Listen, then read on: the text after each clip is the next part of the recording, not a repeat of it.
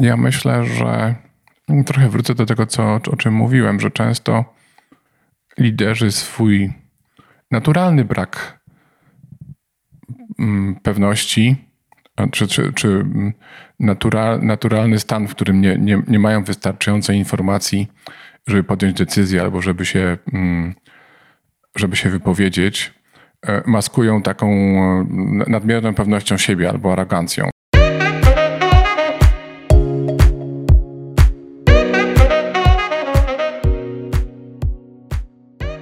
Dzień dobry. Na nagranie z Piotrem omawialiśmy się już od bardzo dawna. Jednak obowiązki zawodowe jednej lub drugiej strony skutecznie krzyżowały nasze plany. Cieszę się ogromnie, że finalnie udało się nam nagrać ten podcast. Naprawdę warto było na niego poczekać.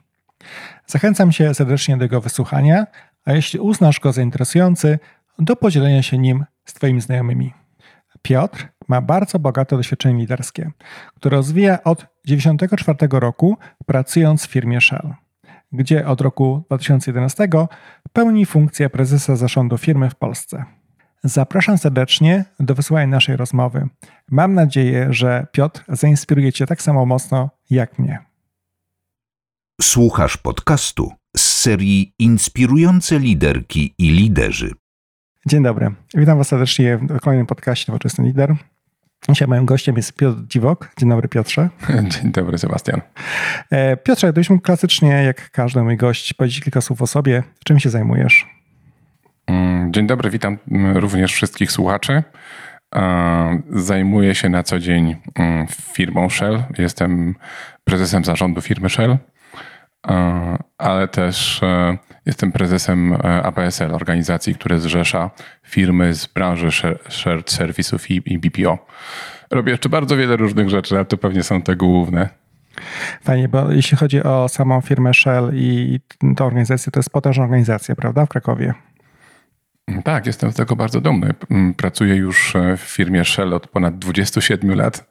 Przeszedłem na, na myślałem, na 3-4 lata. Zostałem 27. Jak zaczynałem, to mieliśmy e, pół piętra w, w budynku w Warszawie. To było jakieś 20 osób. Dzisiaj zatrudniamy 4100 osób w Krakowie i 200 mm, w Warszawie, ale oprócz tego nasze stacje benzynowe zatrudniają ponad 4000 osób. Także jest to rzeczywiście potężna organizacja. Ale brzmi, pamiętam, że takie wytyczne, jeśli chodzi o wielkość firm w Polsce, to mówi się, że, że średnia firma to 150 osób, prawda? Później duża firma od 250, trochę wyżej, a tu jest parę tysięcy osób. No to, no to gratulacje. To jest olbrzymie pewnie wyzwanie jako lider, liderskie dla ciebie również. Tak, tak, tak, tak. Tym bardziej, że uczestniczę w, w, w rozwoju Shella już od, od długiego czasu, także jest, jest to dla mnie olbrzymia przyjemność, ale też duma, że mogę to obserwować. No to tak na się Piotrze, 27 lat temu. Jak to twoja kariera się potoczyła? No bo jesteś dzisiaj prezesem. Wiele osób, które nas słucha, no ma różne aspiracje zawodowe, ale no jednak doświadczenie osób takich jak twoje, czyli osób, które zjadły zęby na zarządzanie firm, firmą i to w różnych momentach, w różnych czasach, jest e, bardzo ważne. Więc powiedz mi, jak e, wystartowałeś swoją karierę? Czy jak planowałeś 27 lat temu swoją karierę zawodową, zawodową myślałeś, tak, będę prezesem Shella? Nie, nigdy tak nie myślałem. Nigdy nie planowałem, żeby być prezesem, e, prezesem jakiejś innej firmy. E, to, to jest bardzo to jest ciekawe pytanie. Mm, moja kariera zawodowa zaczyna się w momencie, kiedy wróciłem ze studiów za granicą. Z, wróciłem z tych studiów i tak trochę leniuchowałem. To trwało pewnie 4-5 miesięcy. I mój tata, który jest bardzo taktowny, widziałem, że tak trochę się już niecierpliwił. I w pewnym momencie, to, to były te czasy, że w tym pewnym momencie on przyszedł i powiedział: Piotr, załatwiłem ci pracę. To było takie słowo klucz w tamtym czasie, za, załatwiłem. Ja powiedziałem: Tak, to świetnie. Co to za praca? Tata mówi: Będziesz górnikiem. E, ja byłem po studiach. E, po studiach jestem e, inżynierem mechanikiem i zacząłem pracę w kopalni. I tutaj była też moja pierwsza przygoda z leadershipem, bo Wstałem o godzinie czwartej rano, bo praca na kopalni zaczyna się bardzo wcześnie. Pojechałem na kopalnię, o godzinie szóstej, przed szóstą zjechałem już tą windą, która na kopalni nazywa się Szola, na poziom minus 800 metrów e, pod poziomem morza. I tam czekało na mnie 20 górników. Było kompletnie ciemno. Oni mieli kaski i lampy na głowach. Ja byłem kompletnie nowy i ktoś powiedział mi, dobra Piotr, zrób odprawę. I, I, wtedy to było coś, coś wyjątkowego. To była moja pierwsza praca. Wtedy zauważyłem, jak to, jak to ważne jest mieć te umiejętności, żeby być dobrym liderem. Potem miałem jeszcze kilka różnych prac i w pewnym momencie znalazłem się na, e, na interview do Shella. To był tak zwany assessment center, który trwał cały dzień. Mm, tam mm, badano nas, były mm, różne interview, praca w grupach, e, rozwiązywanie takich zawodowych e, wyzwań i potem dostałem pracę w Shell. Byłem z tego bardzo zadowolony. No i od tego czasu jestem w tej firmie, mieszkałem i pracowałem dla Shella za granicą. Pracowałem w Brazylii przez e, prawie 5 lat. Pracowałem w Rosji, e, ale też dużo, dużo w Polsce, zarówno w Warszawie, jak i w Krakowie. A powiedz mi, jaka była twoja pierwsza praca w Shellu? To, była, to był taki niestandardowy mm, biznes, który ja budowałem od początku. E, to był biznes, on nazywał się Carker to były produkty, produkty dla samochodu, produkty płynne dla samochodu, płyn do chłodnic, płyn do spryskiwaczy, hamulcowy i wiele innych. To była jedna z ciekawszych prac, którą miałem, dlatego że jak zacząłem tą pracę, to nie mieliśmy tych produktów i wspólnie z menedżerem e, moim, Brytyjczykiem, po pierwsze stworzyliśmy gamę tych produktów, e, otworzyliśmy produkcję tych, tych produktów. Także pamiętam, że mieliśmy na stole, on u siebie, ja u siebie mieliśmy e, podręcznik Kotlera, był ten, ten słynny podręcznik marketing Kotlera i krok po kroku e, szliśmy przez to i obydwoje się uczyliśmy. To była naprawdę fajna praca. Stworzyliśmy gamę 100, mm, 100 różnych produktów, które potem do dzisiaj sprzedawane są na rynku polskim, ale też w Europie Wschodniej w, i eksportowane są z, z Polski za granicę. I teraz powiedz mi, 27 lat temu twoja pierwsza praca w tym nowym departamencie w biznesie, gdybyś pomyślał, powiedział, jakie były takie kluczowe zwroty akcji w twojej karierze, zawodowej między tym miejscem, gdzie teraz jesteś, 27 lat temu, a tym, gdzie jesteś dzisiaj. I co się wydarzyło takiego po drodze, że Piotr e, został, dostał stanowisko i zajmuje się tym, czym się dzisiaj zajmuje? Ja myślę, że miałem e, olbrzymie szczęście do, do liderów, do tych osób, do moich przełożonych. Na, naprawdę olbrzymie i myślę, że ta rola tego pierwszego menedżera w Shell, ona tak naprawdę. ja, ja kiedyś im powiedziałem, Mark, ty mnie stworzyłeś. On mówi, nie, ja tylko ciebie, po angielsku to brzmi molded, czyli ja cię ukształtowałem, Piotr. E, ale on poświęcił mi, to był jeden z lepszych menedżerów, którego bardzo dobrze wspominam on poświęcił olbrzymią ilość czasu i energii po to, żeby, żeby mi dać warsztat taki liderski. Żeby dodać do tego kontekst, ja studiowałem w Rosji. To były te czasy takie postkomunistyczne. W związku z tym mm, nie, niewiele wiedziałem o biznesie, o, o ekonomii. Natomiast, tak wydaje mi się, miałem otwartą głowę i on, on poświęcał mi olbrzymią ilość czasu. Wspólnie czytaliśmy tego Kotlera, jak on prowadził jakieś swoje negocjacje, to mnie zapraszał jako słuchacza, żeby zobaczył, jak się negocjuje. Jak rozmawiał ze swoimi podwładnymi, to ja mi ty siedź z boku i się nie odzywaj. Ja słuchałem, jak on na przykład delegował zadania, jak egzekwował. E, na początku byłem nawet tym trochę znudzony, bo nie wiedziałem, jaki jest cel tego, ale rzeczywiście po, po kilku latach, dwóch, trzech latach pracy z Markiem, on się nazywa Mark Taylor, to odczułem, jak dużo to mi dało zastrzyk e, wiedzy o, o tym, na czym polega zarządzanie ludźmi, na, na czym polega biznes. Czyli to, to liderzy. Drugi taki lider, który, który tak bardzo na mnie wpłynął, z kolei w, późniejszej, w późniejszym etapie kariery, i to jest, to jest bardzo ciekawe, do tego za chwilkę wrócę, e, to e, Mike Sinclair, Australijczyk, który dawał mi odwrotnie do Marka potężną wolność, zaufanie i wolność. I to było, dla mnie to było niesamowite, jak bardzo on mi ufa, jak bardzo pozwolił mi eksperymentować, jak, e, jak nie miał pretensji do tych błędów, które popełniałem. To były takie rzeczy, które naprawdę ukształtowały mnie. To było takich dwóch najlepszych, ale miałem szereg jeszcze wielu bardzo dobrych szefów. Miałem też kilku bardzo złych, ale to też była dobra okazja, żeby czegoś się nauczyć, jak nie postępować, czego nie robić, jak się, jak się kształtować. Czyli twoja, twój pierwszy szef tak naprawdę był takim twoim wspaniałym mentorem, prawda? Dał ci szansę obserwowania go w miejscu pracy, takie robiłem le lekkiego shadowingu. E, I to jest super fajna rzecz, którą możesz dać każdemu swojemu koledze, koleżance, z którą pracujesz, no bo po co masz odkrywać to wszystko, całą, to całe koło na nowo i od początku, prawda? E, teraz wspomniałeś jeszcze, Piotrze, pracowałeś w różnych miejscach na świecie. Powiedz mi, no bo to jest firma globalna, operująca pewnie w każdym kraju na świecie, jeśli się nie mylę. E, to powiedz mi, Piotrze, w takim razie ta taka różnorodność wynikająca z tej pracy poza granicami Polski, E, jak istotne jest dzisiaj takie, takie wiesz, holistyczne spojrzenie na organizację, na różne kultury, na to, że nie wszystko działa tak samo w każdym miejscu i w każdym czasie? Jest istotne dla liderów. No, każdego dnia to jest bardziej istotne, e, wbrew pozorom. Codziennie, każdego dnia jest to bardziej istotne. Ja w ogóle wierzę w tą taką zasadę, że mm, trzeba mieć otwartą głowę i ten, po angielsku to się nazywa learner's mindset, to jest kluczowe, żeby się rozwijać i żeby rosnąć. Ale, ale podam Ci taki fajny przykład. Taką moją pierwszą pracą zagraniczną to była praca w Rosji. Ja Rosję, Shell poprosił mnie, żebym zajął się Rosją, czy tym byłym Związkiem Radzieckim. I ja byłem bardzo pewny siebie, bo ja tam też również studiowałem. Sobie to ja wszystko wiem o Rosji, to będzie prosta sprawa. I tak w skrócie przyjechałem do Rosji, posłuchałem, czym, co tam się dzieje. Mówię, dobrze, to teraz zrobimy Tutaj zrobimy to, w tej części zrobimy to, zmienimy to. A, I miesiąc później się okazało, że to większość tych decyzji to były fatalne decyzje. I musieliśmy potem wszystko zmieniać. Mój wizerunek był bardzo słaby, bo sugerowałem rzeczy, które nie działały. W związku z tym mówię, dobrze, nauczyłem się czegoś. Pojechaliśmy do, do Brazylii. Pojechaliśmy razem z rodziną, ale pracowałem w Brazylii. Będę mądrzejszy. A w takim razie a, Zrobiłem takie spotkanie, mówię na czym polegają problemy.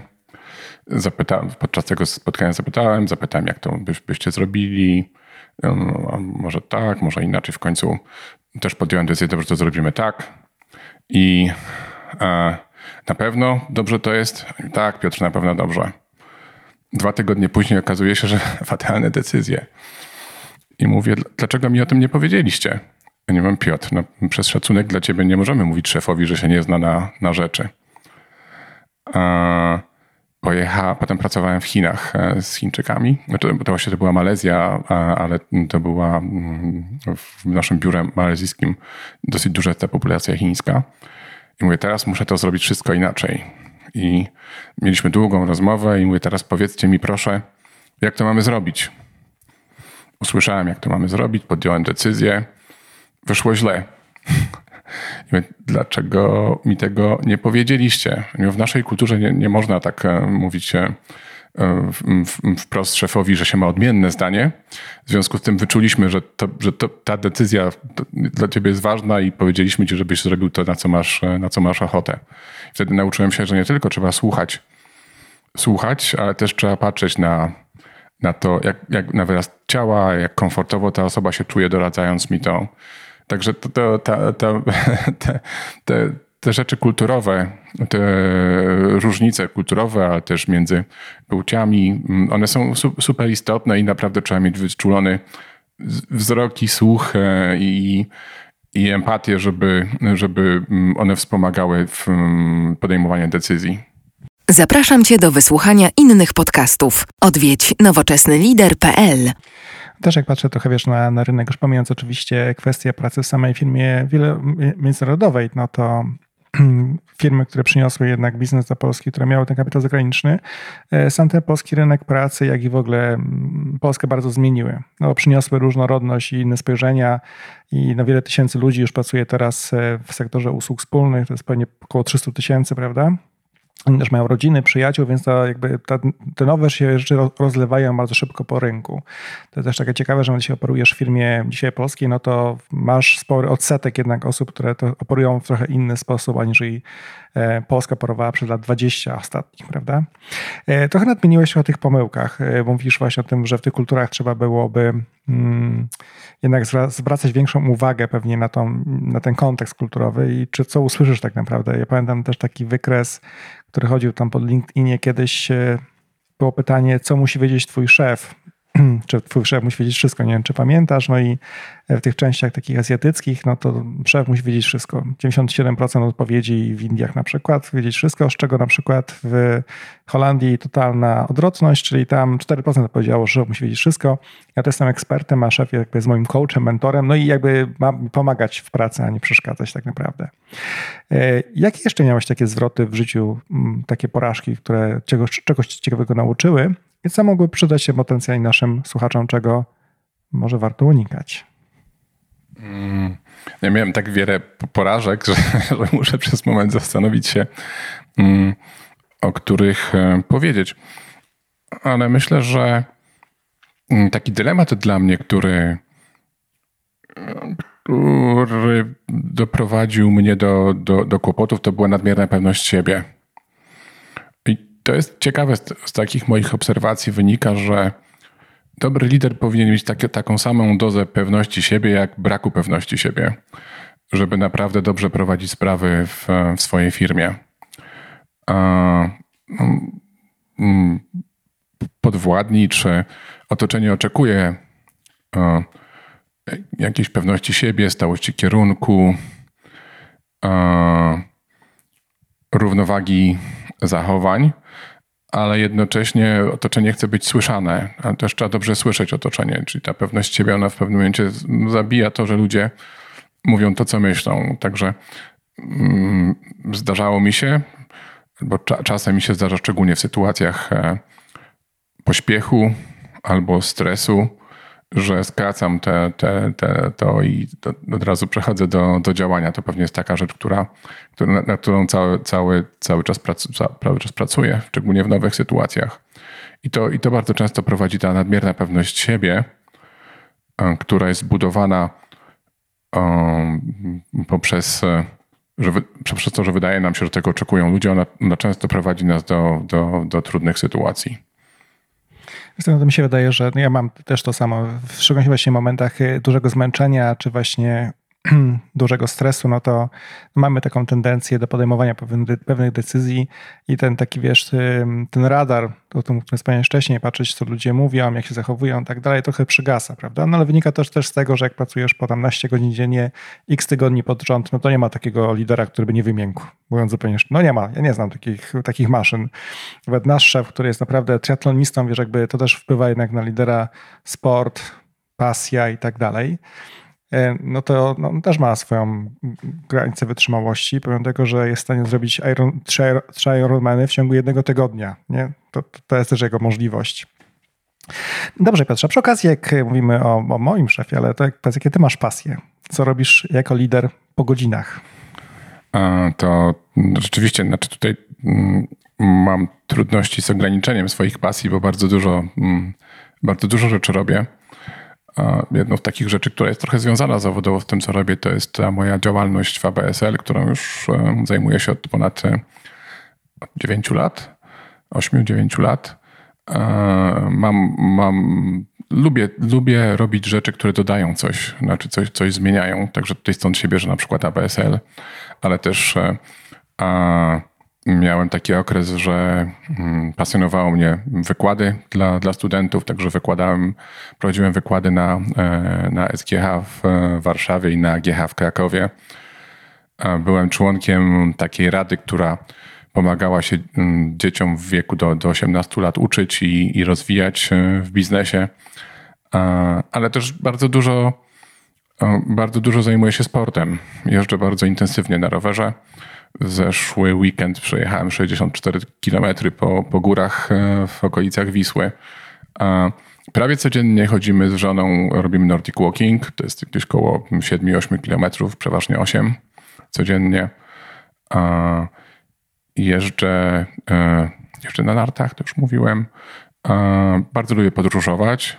E, ostatnio pojawił się na Facebooku taki, taki quiz, gdzie zaznaczało się te kraje, w których się było. W związku z tym chyba naliczyłem 86 krajów, w których byłem. Niestety nie zawsze to było turystycznie, często też biznesowo, także to było lotnisko i hotel, ale to też jest coś takiego, to jest taka moja pasja. Bardzo lubię podróże, dlatego że lubię różne inne kultury, lubię trudności, do, do pokonania, te kulturowe takie, żeby kogoś do czegoś przekonać. Lubię, lubię testować jedzenie w różnych innych miejscach. To, także tak, mógłbym tak dalej kontynuować, ale rzeczywiście bardzo wiele rzeczy mnie, bardzo wiele rzeczy mnie pociąga i pasjonuje. E, troszkę też nawiązując do Twojej pasji i do Twojego zajęcia w ABSL-u, no to faktycznie dzisiejszy świat nie jest łatwy dla wielu firm i to tych zagranicznych i polskich. Nasze prawo też nie jest takie proste, żeby odnaleźć się w nowej sytuacji. To chciałem trochę właśnie spytać Cię o to, jaki, z jakimi obecnie wyzwaniami muszą mierzyć liderzy? Jakie są największe dla nich wyzwania w chwili obecnej? Mm, ta, ta sytuacja jest absolutnie wyjątkowa i to chyba nie w, w historii ostatnich kilku lat, ale mm, kilkudziesięciu lat albo nawet dłuższego okresu. Pierwsza taka, ta, takie wyzwanie to jest to, że nie możemy w dzisiejszej sytuacji odwołać się do naszych doświadczeń. W większości wypadków e, ludzie, ale też liderzy odwołują się do tego, co się działo w przeszłości. Takiej sytuacji nie było w przeszłości.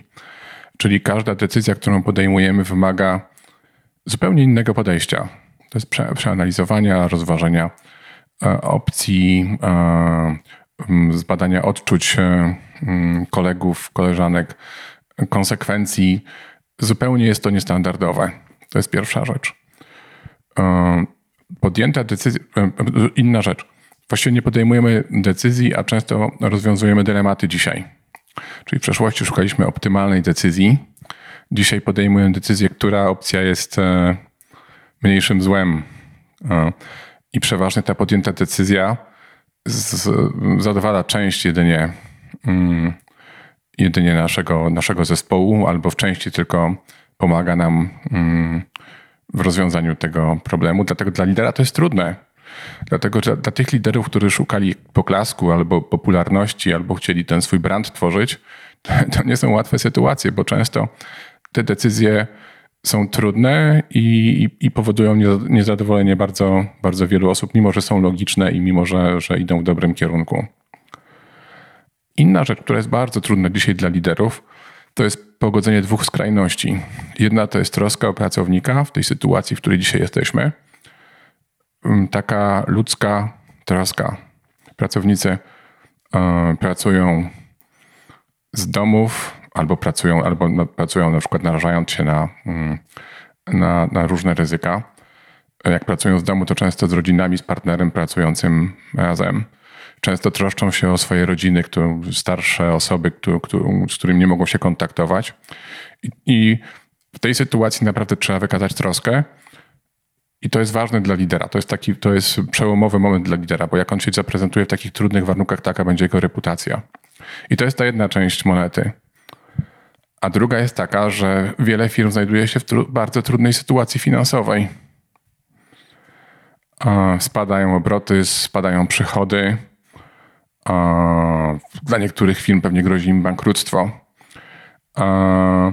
I tutaj trzeba podejmować często radykalne działania i teraz jest znowu ten dylemat, jak to robić, żeby jednocześnie mm, okazać szacunek i troskę pracownikowi, być szczerym i otwartym, a, ale jednocześnie zadbać o to, mm, o, o, interesy firmy w tym trudnym okresie. To jest też takie okresy, nie zdarzają się, nie zdarzają się bardzo, bardzo często. Także tutaj są też te dylematy. W ogóle uważam, że leadership teraz jest inny.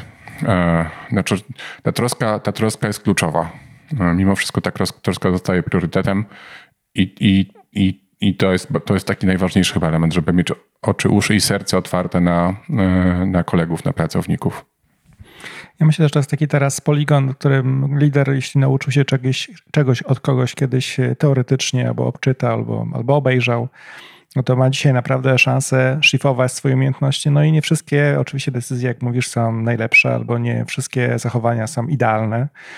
No ale ten czas jest, jak mówisz, zupełnie. A to jest bardzo fajne, co powiedziałeś, bo tutaj, tutaj wracamy do tego, o czym wcześniej mówiłem, to o tym takim ukierunkowaniu na rozwój, na naukę. Jeżeli ktoś będzie liczył na to, że będzie podejmował tylko, tylko dobre decyzje, łatwe i nigdy się nie pomyli, to będzie miał olbrzymi problem, żeby poradzić sobie w dzisiejszej rzeczywistości. Nie ma łatwych, prostych decyzji, nie obejdzie się bez, e, bez pomyłek. Natomiast jeżeli, jeżeli będziemy myśleli o dłuższej perspektywie w kontekście i ludzi, ale i firmy, to wtedy bardzo pomaga. Mi bardzo podoba się ten koncept e, e, Simona Sineka dotyczący nieskończoności. Jeżeli popatrzymy na, na biznes, czy na tą chwilę, w której jesteśmy w kontekście nieskończoności, to dużo łatwiej nam jest podejmować, e, podejmować dobre decyzje. Dodam tylko jeszcze dla którzy nie, może nie mieli kontaktu z książką. Ja pan że mówił, że ta książka nazywa się Infinite, Infinite Game chyba, z tego co pamiętam. No i y, w biznesie nie ma końca. Nie ma, nie ma końca, więc jeśli planujesz sobie nawet coś na 3 lata, no to to jest złe planowanie, bo po tych 3 latach są kolejne 5 albo kolejne 7. No chyba, że zbankrutujesz, to nie ma kolejnych lat, no ale jeśli dalej działasz, to te zasoby, które masz e, w firmie, czyli i pieniądze, i ludzie, prawda, i zasoby inne, no to one muszą starczyć ci na zawsze, tak naprawdę. Także masz rację, to pod tym kątem. No też e, dobrze właśnie mówisz o tym sporcie, o tym Northern Walkingu, bo wiele osób, które mm, doradzają dzisiaj, wiesz, liderom, to mówią właśnie zadbaj najpierw o siebie, bo jak nie zadbasz o siebie, to nie zadbasz o, nie zadbasz o ludzi. Stresowany, zmęczony, słabo się będziesz komunikować. To, to tak w rzeczywistości jest. Przez, my, nasi pracownicy zaczęli pracować z domu, cała firma. Ci, którzy mogli od 13 marca ta praca na początku była bardzo intensywna, dlatego że nie mieliśmy doświadczeń, nie mogliśmy postępować według jakiegoś procesu albo procedury. W związku, to, w związku z tym to wymagało zaangażowania wszystkich nas w bardzo wysokim stopniu, całego, całego zarządu, całego, e, całego leadershipu. To był bardzo męczący okres. Mm, pracowałem od wczesnego rana do, do północy, albo często i później przez 4-5 tygodni. I potem poczułem olbrzymie zmęczenie znużenie i tak, taką, ba, bardzo było mi źle. I wtedy, wtedy moja reakcja była taka, że zacząłem brać e, każdy piątek wolny przez dwa albo trzy tygodnie, czyli wydłużałem sobie weekend i jechałem w góry. I w takim e, zapamiętaniu jeździłem na rowerze pod, pod górkę i z górki. I to już mi bardzo pomogło. E, jutro jest czwartek, Jutro pewnie znowu pojadę w góry, także piątek już pracuję z, z, z gór i będę już w piątek będę na, na rowerze. I to bardzo znacznie poprawiło mój no, wszystko. Także to, jest, to rzeczywiście jest super istotne. To, są, to jest kilka rzeczy. To jest wysiłek fizyczny, ale też takie oderwanie się od, od tych codziennych problemów, skupienie wzroku na jakiejś dłuższej odległości niż ten pokój, w którym jesteśmy.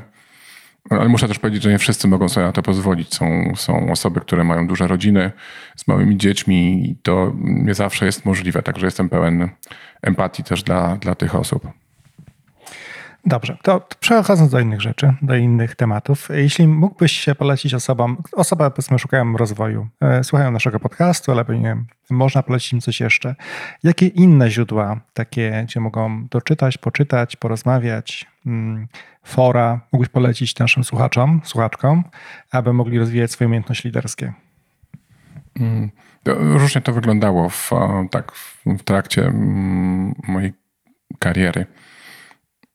Kiedyś czytałem bardzo dużo, na przykład Harvard Business Review, to było dla mnie takie kluczowe, ale to było wiele lat temu. Dzisiaj bardzo posiłkuję się, się wszystkimi, mm, wszystkimi materiałami, które można znaleźć w internecie. Często słucham moich kolegów. Biorę udział w spotkaniach, e, w kolacjach e, senior managerów i organizuję François Nail mm, w Warszawie. Spotykamy się, wybieramy sobie jakiś temat i przez e, dwie, trzy godziny rozmawiamy na ten temat, wymieniając się doświadczeniami. Dzisiaj to jest niemożliwe, żeby spotkać się e, przy stole, ale rozmawiamy. Właśnie wczoraj rozmawialiśmy wieczorem mm, i mówiliśmy, mm, omawialiśmy jakiś temat. To, to, to, jest, to, to na mnie bardzo dobrze, to na mnie bardzo dobrze działa. Ale w ogóle takie rozmowy w, e, z kolegami, które są w podobnej sytuacji, one bardzo, one bardzo dużo wnoszą, e, wnoszą do, do mojego życia zawodowego. To, co tak naprawdę bardzo mi pomaga, w trakcie swojego życia zawodowego stworzyłem sobie taką sieć kontaktów. Nie mam takiego jednego mentora, który, do którego, którego pytałbym o wszystko. Mam kilku takich sparring partnerów, że jak muszę omówić się, mam jakąś trudną decyzję, to wtedy z nimi wymieniam argumenty i próbuję. To jest dla mnie istotne, ale mam taką sieć kontaktów, I jak mam jakiegoś rodzaju problem, to wtedy idę do jednej, znaczy załóżmy, że mam jakiś kłopot, dylemat, trudność e, związaną z, e, z zarządzaniem kapitałem ludzkim, to mam jedną osobę w Hadze, bardzo senior, do której idę i, i, i przedstawiam problem i trochę rozmawiamy o nim. Jeżeli chodzi o marketing, to mam dwie jakieś inne osoby. I, i od czasu do czasu kontaktuję się z nimi, rozmawiamy podtrzymuję, tak aktywnie podtrzymuję te kontakty, ale radzę się, oni też często do mnie przychodzą z, z jakimiś problemami, rozmawiamy o, o nich. To bardzo na mnie działa. Znaczy dla mnie te takie praktyczne aspekty i doświadczenia, które ktoś ma w danej sytuacji, bardzo, bardzo, bardzo mi pomagają. Hmm.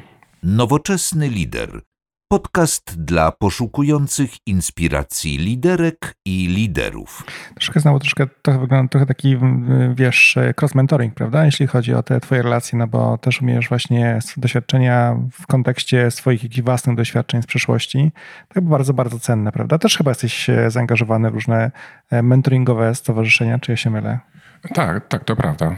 Z tym, z tym że ja to, ja to samo mm, sugeruję moim, e, tym osobom, z którymi pracuję żebyśmy, żebyśmy rozmawiali o jakichś konkretnych sytuacjach. To, to zawsze najlepiej działa. Z takich ciekawych rzeczy, które robię, to wybieram sobie e, mentorów bardzo nietypowych. E, jak e, pracowałem w Brazylii, to, to znalazłem sobie kogoś, mm, kolegę, który miał prawie 50 lat, bardzo dobrze znał organizację i kulturowo wpasowywał się w Amerykę Południową. Ja wtedy byłem odpowiedzialny za całą Amerykę Południową i jego się radziłem, jak miał jakąś decyzję podjąć. E, jak on to widzi, jak, e, czy to, jak to się wpasowuje w kontekst kulturowy, lokalny. Jak e, zacząłem pracować w Krakowie, w centrum biznesowym, to znalazłem, sobie mentora, który miał 23 lata, bo pomyślałem, że muszę rozumieć dobrze kontekst tej, tej, tej populacji, czy tych osób, z którymi pracuję. I on w ogóle wywrócił do góry nogami mój sposób komunikowania się, tego, co mówię, w jaki sposób mówię, kiedy mówię. E, to, to, to jest to, co próbuję zrobić. Zawsze próbuję znaleźć ten kontekst e, i szukam, szukam kogoś, kto rozumie go, kto rozumie go lepiej. Piotrze, to może jeszcze kolejne pytanie pozwól. Obserwując, bo masz kontakt z wieloma liderami, liderkami na co dzień i obserwujesz ich w akcji. Mm, powiedz mi, czy są jakieś takie elementy, które powtarzają się dość często w ich działaniu, a których byś rekomendował nie robić? Oj, to jest e, ciekawe pytanie.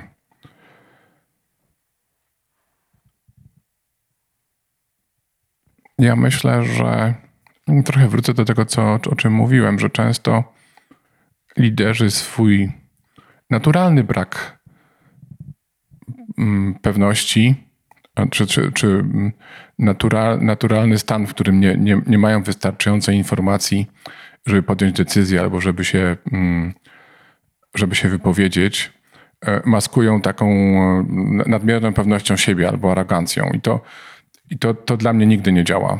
Mm, dlatego, że to po pierwsze prowadzi nas w złym kierunku, czy cały zespół, jeżeli w, tak, w taką nadmierną pewnością siebie ktoś mówi o, o czymś, czego co nie jest dopracowane, albo co, co nie do końca mamy pewność, że to będzie działało.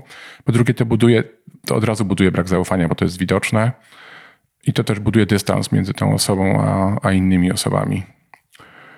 To, to pewnie jest, to jest coś takiego, czego, czego bym nie radził robić. Ja bardzo wierzę w naturalność, w to, że ja bardzo tych ludzi, którzy mówią mi, nie wiem, Piotr, jak mi ktoś powie, nie wiem, Piotr, to od razu zyskuje moje zaufanie, bo, bo wiem, że nie dostanę złej informacji, czy niewłaściwie od tej osoby.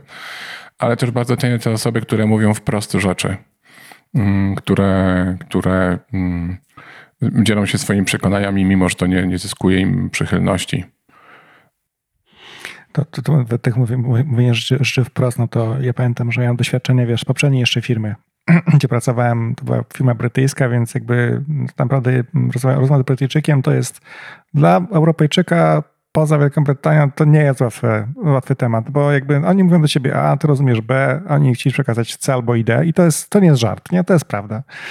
Ale później miałem taką, wiesz, interakcję z osobami, które były z Holandii że Holendrzy są tak w punkt. Oni zawsze robią to bardzo profesjonalnie i tak dalej, ale w punkt, a nie ma przecinków, nie ma upiększania, po prostu mówią jak jest, jak czują, jak uważają. Natomiast ja myślałem, że oni chcą mnie zwolnić, powiem szczerze, nie? Jak dostałem pierwszego maila, mówię, to jest po mnie. A mówią, stary, nie, w ogóle o co ci chodzi. No, po prostu my mamy taką, taką perspektywę, że mówiąc o tym, że w kontekście komunikowania się, no te niuanse kulturowe są mega ważne, a jak byłeś w Malezji, prawda, pracowałeś e, tam na miejscu, to tam wiesz, masz e, już solidny tygiel, masz Malajów, masz Hindusów i masz jeszcze Chińczyków, prawda?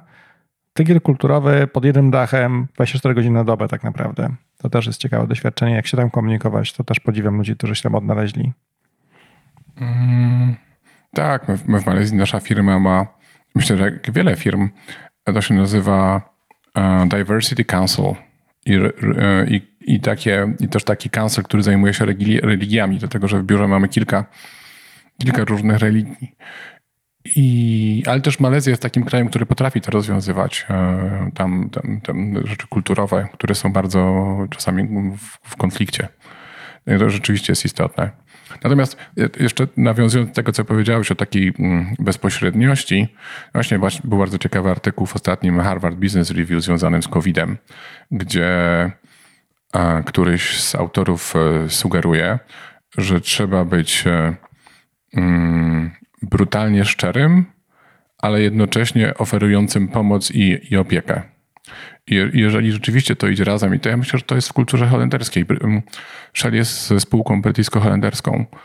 To rzeczywiście oni są bardzo, bardzo szczerzy i bardzo bezpośredni, ale zawsze są bardzo, mm, bardzo troskliwi, troszczący się uczucia innej osoby. I, i, i to, jeżeli to idzie w parze, to to może być, to może być dobra mieszanka.